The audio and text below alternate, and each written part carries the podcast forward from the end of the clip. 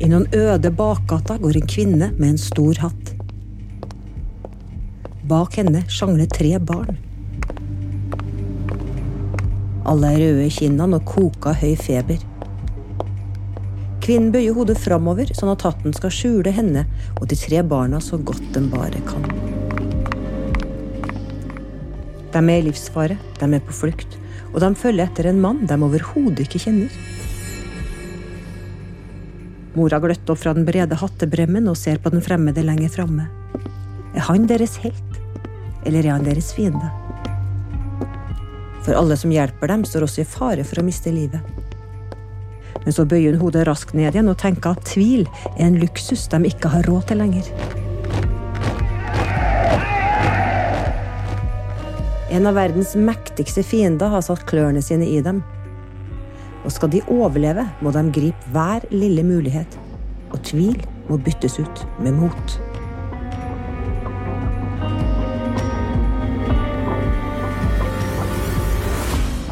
Det eldste barnet bak kvinnen med den store hatten er 17 år og heter Rosa. Svært mye har skjedd i hennes liv før dette øyeblikket, og mye vil skje etter. Men det skal ta over 70 år før hun forteller. Rosa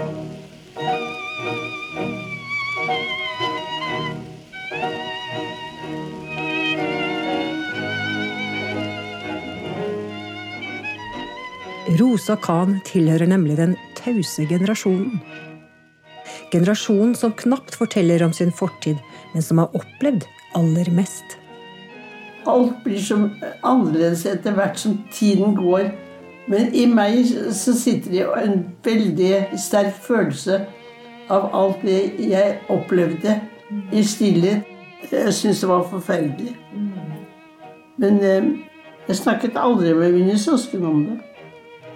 Aldri. Men hvorfor var de så tause om opplevelsene sine? For oss som lever i en tid der det applauderes jo mer du deler, kan det nesten virke litt merkelig. Jeg har bestemt at jeg ikke ville snakke om krigen. Vi hadde lagt et lokk oppå alt det vonde. Det her er en dokumentar fra Adresseavisa, og mitt navn er Ingunn Kirkebø.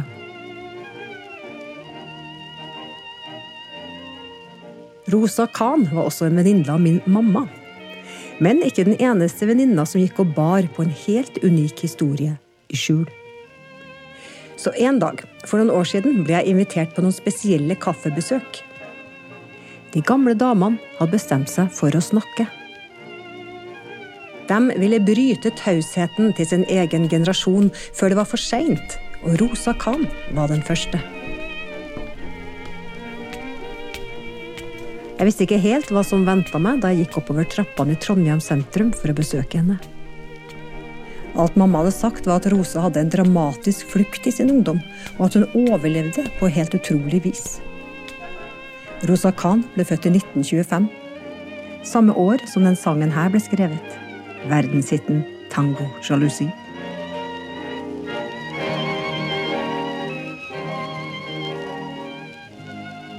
Hun er 91 år da hun slår opp dørene på Nedre Elvehavn i Trondheim. Nydelig, Reidun. Syns du det? Gleder meg til kaka di. Mamma har med seg som så ofte et hjemmebakt brød og hjemmelagd kake. Hver gang hun baker til dere, så får jeg. Det kan du si. Jeg er så heldig. Jeg har sånne venner som gjør så mye bra for meg. Rosa Khan er en liten, nett dame med svært skarpe øyne og ofte et smil på lur. Hun går gjerne med lang minkkåpe og høye sko. Hun har svart, blankt hår, perfekt frisert og dandert bakover rundt det velsminka ansiktet. Og jeg kommenterer hvor godt hun ser ut. Nei. Jo, det gjør det. Altså, Rosa går fast til frisør En gang i uken. én gang i uken. Og så farger hun håret med passe mellomrom. Og så som fotterapi, nær sagt. Sånn Men det har vært flink til som jeg ikke gjør i dag. Jeg har gjennomført morgengymnastikk og kveldsgymnastikk hvert år i mange, mange år. Enten jeg har vært på reise eller jeg har vært borte hos folk. eller så hadde jeg en, til og med på jernbanen i kupeen har jeg klart å rulle meg og, så og så mange ganger høyre og venstre. Og, Ja, men det det er borte. Men der har jeg fått sånn muffinsmage isteden. Jeg har fått muffinsmage med en gang jeg slutta. Ordentlig sånn mave. Men ingenting tilsa at Rosa skulle bli så gammel som sangen Tango Jalusi. Tvert imot. Da Rosa var 16 år, hang en dødsdom over henne og hele hennes familie. Livet ble fylt av svik og tap, men også hjelp fra merkelige og uventa hold. En brutal overmakt skal jage og arrestere dem. Men som jeg snart skal lære i løpet av denne kaffepraten, så kan snarrådighet, stort mot og bitte små tilfeldigheter skille mellom liv og død for et menneske.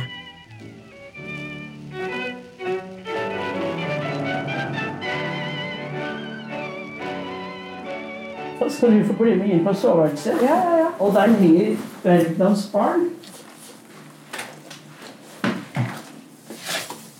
Nei, der, ja. Hva er det vi ser nå? Det er Paul, Ruben, Sonja og Alf. Jeg var ikke født ennå. Vet du når det ble tatt? Jeg er 25. Jeg var ikke født. Nei, 1925. Jeg er født i 25. På bildet smiler fire festkledde og oppstilte barn med norske flagg. De to guttene har på hvite matrosdresser og lue. Den eldste jenta har blondekjole og en hvit hatt.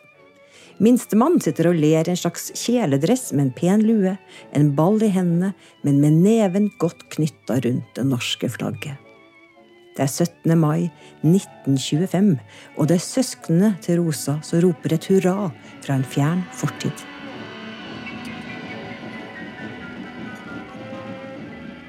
Er det ikke nydelig? Jo. Det er et nydelig bilde. Wergelands barn. Bildet som henger på veggen, har vært med i en utstilling om jødisk liv i Norge fra jødeparagrafen ble oppheva og fram til slutten av andre verdenskrig. Før 1851 var jødene nekta adgang til kongeriket Norge. Henrik Wergeland, 17. mai-feiringens far, engasjerte seg kraftig for å endre Grunnlovens paragraf 2, som han mente var en skamplett på den nye norske loven. En lov han ellers var svært glad i. 17. mai er en viktig dag for Rosas familie på flere måter. Jeg skal si det, Den første som kom til Moss, det var min bestefar. Han hadde hørt at det, det var bra for jødiske De ble mottatt ordentlig i Norge. Han reiste og kom til Oslo en 17. mai og opplevet 17. mai. Han ble så rørt at han fant ut at der skulle han plassere familien. Hvis ikke så skulle han dra videre til Amerika. Men han ble veldig rørt. Lille Ruben i matrosdressen skal senere i livet bli motstandsmann og drive med illegalt arbeid. Motstandsmann og jøde under andre verdenskrig. En livsfarlig kombinasjon. Noe hele familien skal få merke. Du, eh, jeg blir 92, og, og jeg føler at jeg er 150. Man har bare godt av å få smake på litt av hvert. Verden er ikke bare solskinn. Den er ikke det. Så eh, man vokser på at man har litt motgang òg. Men Jeg vet ikke. Vi snakker krig, og vi snakker Ja. Det må være litt balanse. Litt balanse må det være. Vi hadde det bra, men vi hadde også mye, mye dritt.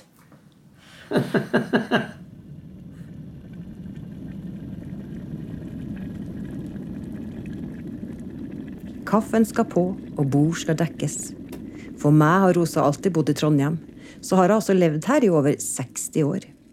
Men barne- og ungdomsårene ble investert i Moss, og da som Rosa Ullmann. Og det her er en tid som ligger i et fjernt mørke, og som jeg aldri har hørt noe om. Og nå vil jeg at dere skal Her er jordbær og fløte, sukker.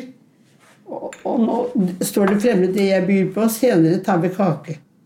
Dere spiser og tar og føler dere hjemme, for da føler jeg meg mest hjemme òg. Vi slapper av og lytter. På stua henger et maleri med en gullramme av et grønnmalt hus i en stor hage. Det er verandaer og trapper både i første og andre etasje, og der vokser Rosa opp. Vi bodde på Jeløen, og vi hadde et praktfullt hus. Og det var tre mål hage. Og ved innkjørselen Husk på, det var ikke biler den gangen. Ved innkjørselen så var det tre store eh, eketrær. Så var det en allé. På venstre side var det morelter. Og på den andre siden var det kirsebær. Så på våren så, var det, så sto alt i blomst. En sånn brudeslør, nærmest.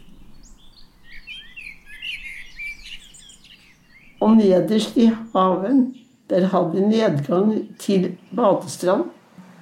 Der alle mine venner kom syklende, og så ned på stranda. Det var andre tider. I dag høres det fjollete ut at det, at det er altfor fornemt og altfor ditt og datt. Det var vårt liv den gangen. Vidunderlig. Vi hadde åpent hus. I mange år var Ullmann den eneste jødiske familien i Moss. De hadde stort kontaktnett og mange gode venner. Og i løpet av kort tid ble Moss varehus et velrenommert firma som solgte både dame- og herrekonfeksjon. I første etasje var det vel eh, dyner og, og, og sånt. da. Oppe i annen etasje ble det damekonfeksjon. Og så var det en fløy som det var herrekonfeksjon.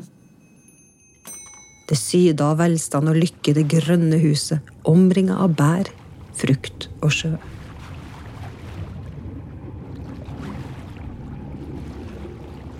Men hver søndag kom det gjester som at selv en sånn idyll kunne falle. Det var en tysk-jødisk familie som hadde slått seg ned i Son, og en familie som hadde slått seg ned i Fredrikstad. Og min mor inviterte familiene. Jeg husker at jeg satt på en sofa inne i spisestuen og hørte de grusomste historier fra Tyskland.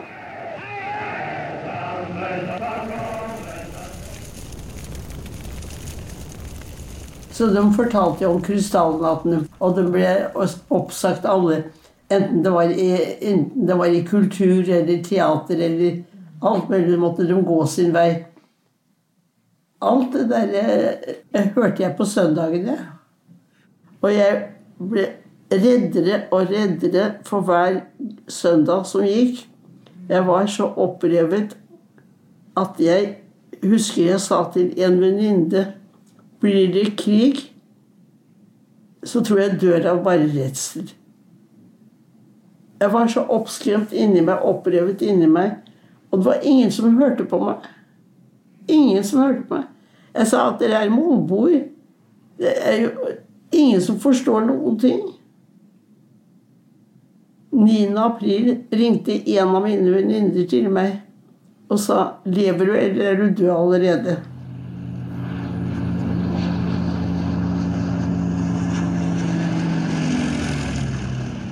9. april 1940 kom krigen også til Norge.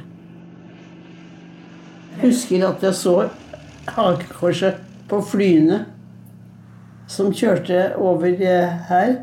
Husker jeg hakekorsene.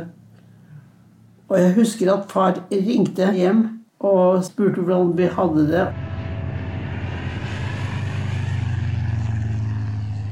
Men jeg må flette inn en historie nå. For noen måneder siden fikk jeg et brev. Jeg har det inne, men jeg vet ikke hvor det ligger. Og det forteller om min far. 9. april så så min far to norske gutter i krigsuniform. Den ene var sønnen til Hva heter de igjen? Britannia Hotell. Stensrud.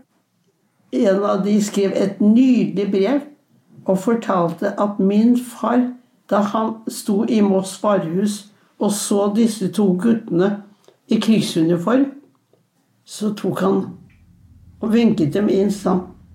Dere må bli med meg inn og få gamle klær. Dere går rett i løvens hule.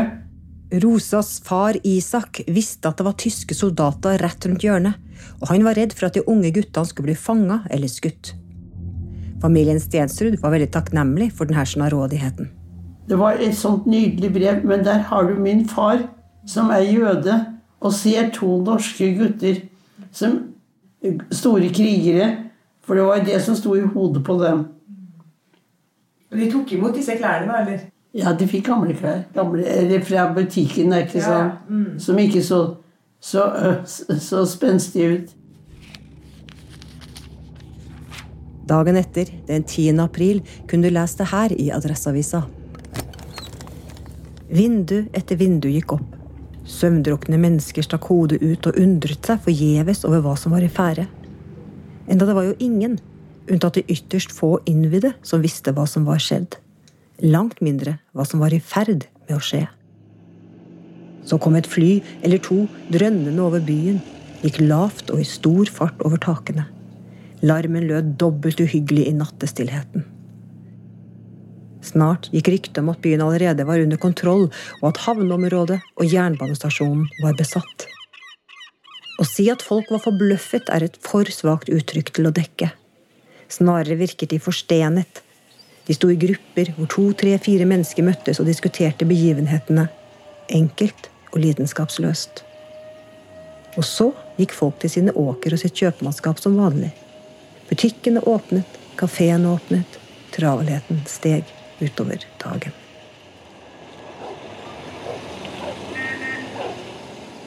Men for familien Ullmann skulle ingenting lenger bli vanlig. Noen måneder senere fikk mange mossinger seg et sjokk da manufakturforretningen til Isak og Ida Ullmann ble utstyrt med store, gule plakater. En davidstjerne og ordene Jødekjøskeskjeft. Jødebutikk. Folk reagerte, men den som ble aller mest forargra, var byens største nazist. Hans S. Jacobsen han var ordfører for nazistene i Østfold. Han rev ned plakatene som sto på rutene. Han rev av hos Benka og på Moss varehus. Hvorfor tror du en nazist gjorde det? Det var vel fordi at han respekterte min mor. Han syntes det gikk for langt. Plakatene ble, ironisk nok, revet ned av den største nazisten i Moss. Han kjente familien Ullmann og mente at det fikk da være grenser. Jøder var én ting, men familien Ullmann de var hans gode naboer i Moss. Det skal bli en rar og usikker tid framover for Rosa og familien, der gode hjelpere kan dukke opp på de merkeligste plasser og vennene kan bli dine fiender. Det hele spissa seg til da Rubin, Rosas nest eldste bror, blir aktiv som motstandsmann.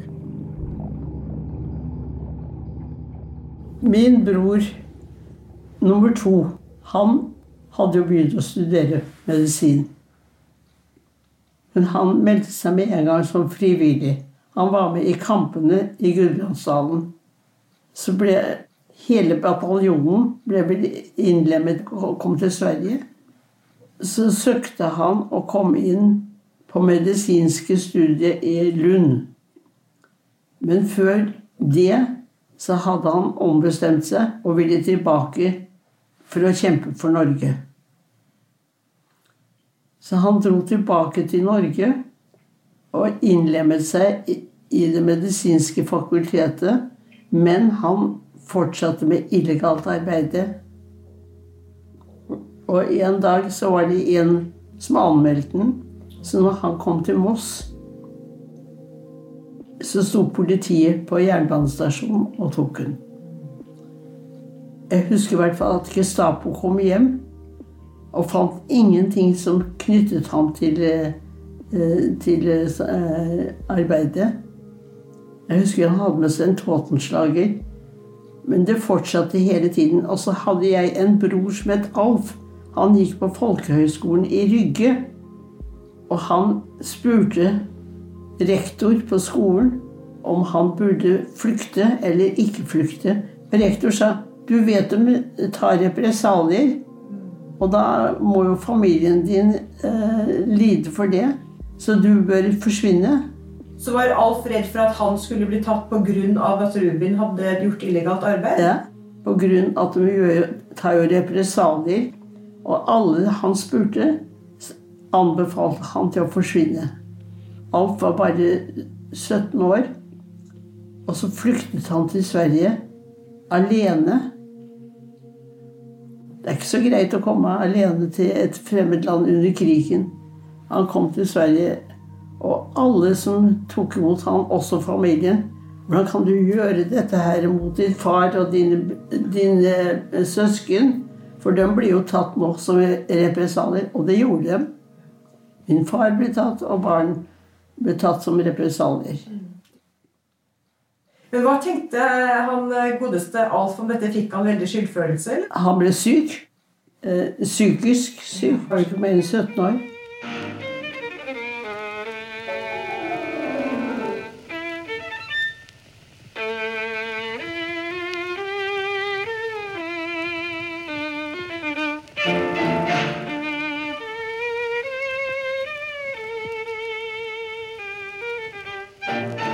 I november 1941 var Rubin tatt for illegalt arbeid. 17-åringen Alf hadde rømt til Sverige, og eldstebroren Paul og faren ble tatt som gisler og satt nå i Moss kretsfengsel, sammen med Rubin. Moss fengsel var Der lot de døren aldri stenge. Det var åpen. Vaktmesteren lot døren stå på klem, slik at min minste bror fikk kommet inn og hilse på faren sin. Men her blir de ikke lenge. En tidlig morgen i mars 1942 står far og brødrene til Rosa på perrongen på togstasjonen i Moss og skal til fangeleiren på Grini. Det er ganske så folksomt med mossinger på stasjonen denne morgenen, og mange har gjemt noe i hendene. Sånn som de hadde gjemt under krigen. Et stykke marsipansjokolade eller en firkløver eller et eller annet. Sånn som ikke var å få kjøpt lenger. Det var sånn de ga for at vi skulle ha på reisen. Det var jo godt ment. Og så var det Ruben som bøyde seg og kysset eh, Bjørn på kinnet. Og så sa at vi treffes ikke mer. Og så til meg så sa han du blir eldst, og du må ta hånd om mor. Rosa er 16 år, og storebror Rubin tar farvel. Vi treffes ikke mer, sa han. Kommer aldri tilbake. Det var avskjedene.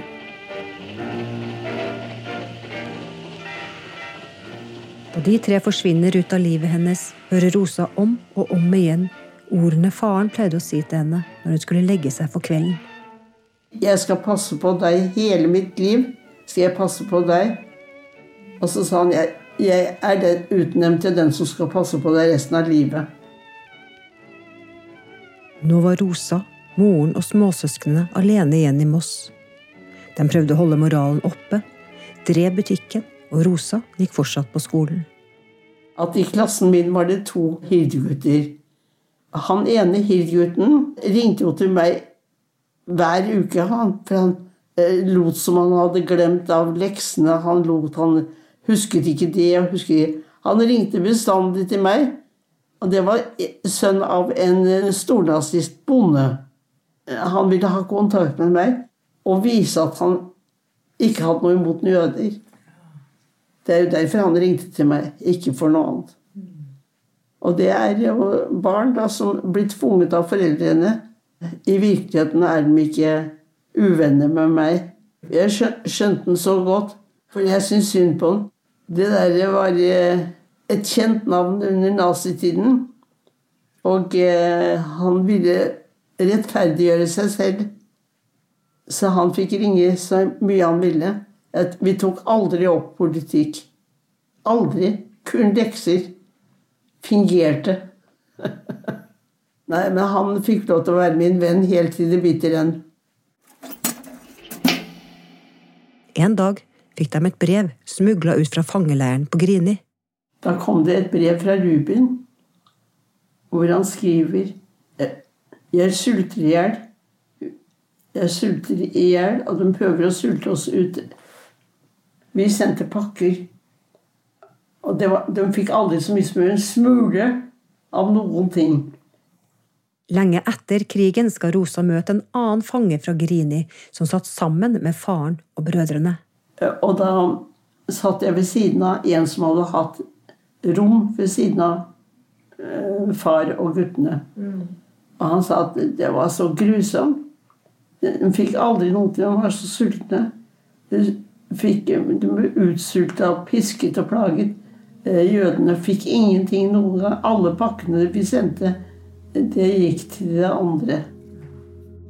Så, nærmest ved en tilfeldighet, får de vite at Isak, Paul og Rubin var sendt til Sachsenhausen, en av flere konsentrasjonsleirer i Tyskland. Mor gikk på Victoria terrasse med matpakker. Og eh, da sier han uh, ekspeditøren at hun er sendt videre til Tyskland. Ganske enkelt. Hun hadde ikke fått noe beskjed om det? Nei. Det stramma seg for Rosa og moren i Moss. De får pålagt meldeplikt om å melde seg for politiet to ganger daglig. Lillebror Bjørn fyller 13 år 29.9.1942, og dagen etter banker det på døra. Gestapo står utenfor. Han sier jøden Ruben Philip Ullmann er død. Rosas mor faller fullstendig sammen og gråter så kraftig at lillesøsteren på ni løper skrekkslagen ut av huset, bortover veien og inn til en venninne. Men akkurat denne lille tilfeldige handlingen skal få svært stor betydning. Noen uker senere så blir butikken i Moss konfiskert av nazistene. Moren må fortsatt drive butikken, men hele omsetninga går til okkupantene.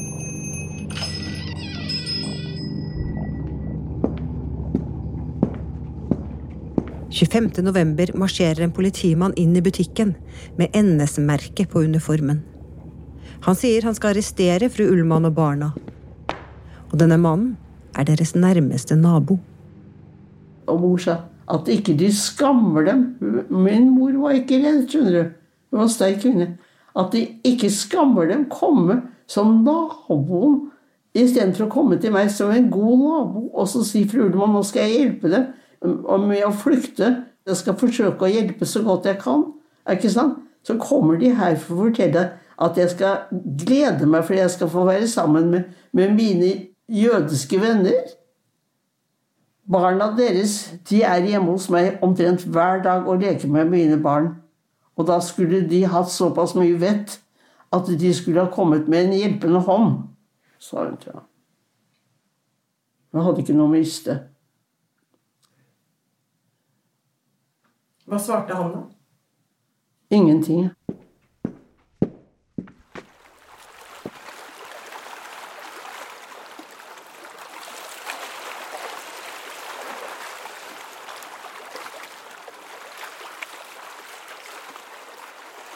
På dette tidspunktet ligger det en båt ved Oslo kai. Det tyske transportskipet Donau. Neste dag skal 529 norske jøder gå om bord i dette skipet og fraktes rett til utryddelsesleirene. Dit skulle også Rosa, moren og hennes yngre søsken. Men det er lillesøsterens besøk hos en venninne noen uker før som redder dem. Skjebnen ville det nemlig slik at denne venninna rett etterpå får kusma. Rosas lillesøster blir også smitta. Og siden kusma har så lang inkubasjonstid, så tok det tid før sykdommen slo ut. Men nå, dagen før Donau skal deportere norske jøder, er alle barna sengeliggende med høy feber og hoven hals. Rosas mor vet at tyskerne frykter smittsomme sykdommer, og sier at barna hennes er både syke og smittsomme. Statslegen i Moss må undersøke dem to ganger om dagen, men transportskipet til Tyskland seiler av gårde uten dem.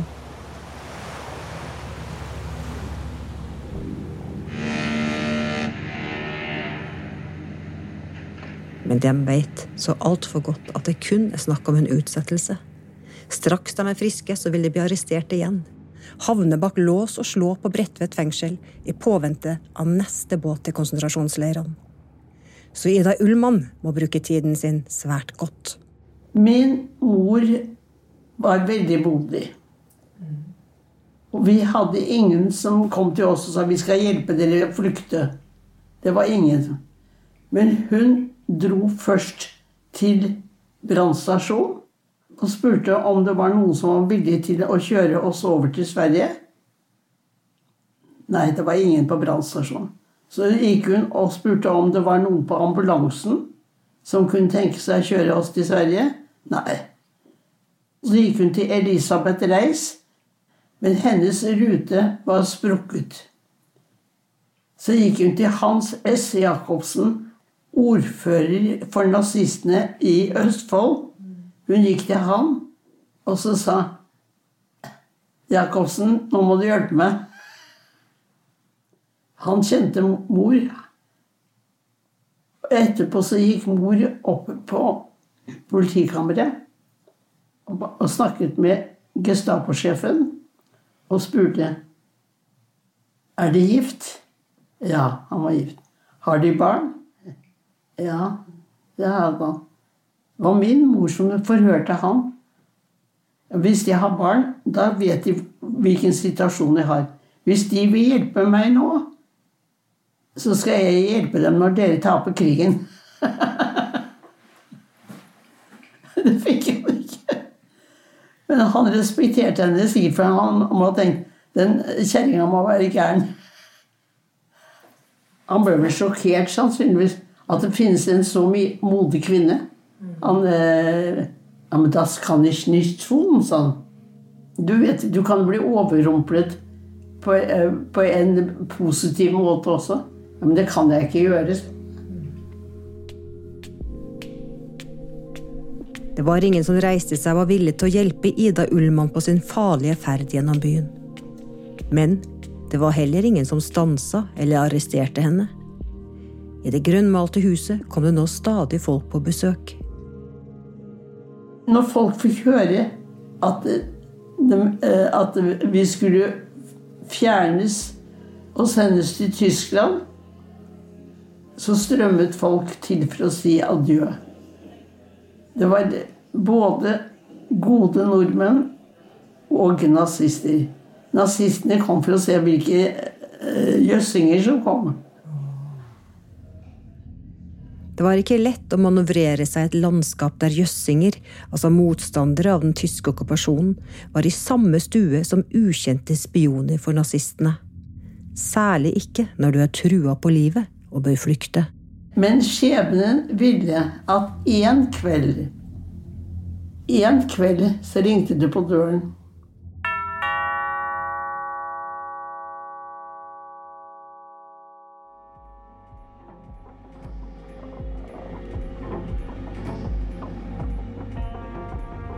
Du har hørt første del i to episoder om Rosa Khan fra Den tause generasjonen. Vi har valgt å sende den her nå i forbindelse med 80-årsmarkeringen av deportasjon av jøder under andre verdenskrig. Neste år vil vi fortelle mer om hvem denne tause generasjonen egentlig er, og fortelle flere godt gjemte historier. Dokumentaren er fortalt og klippa av Ingunn Kyrkjebø i Adresseavisa, og lydmiks ble gjort av Jørgen Meyer i Ambolt Audio.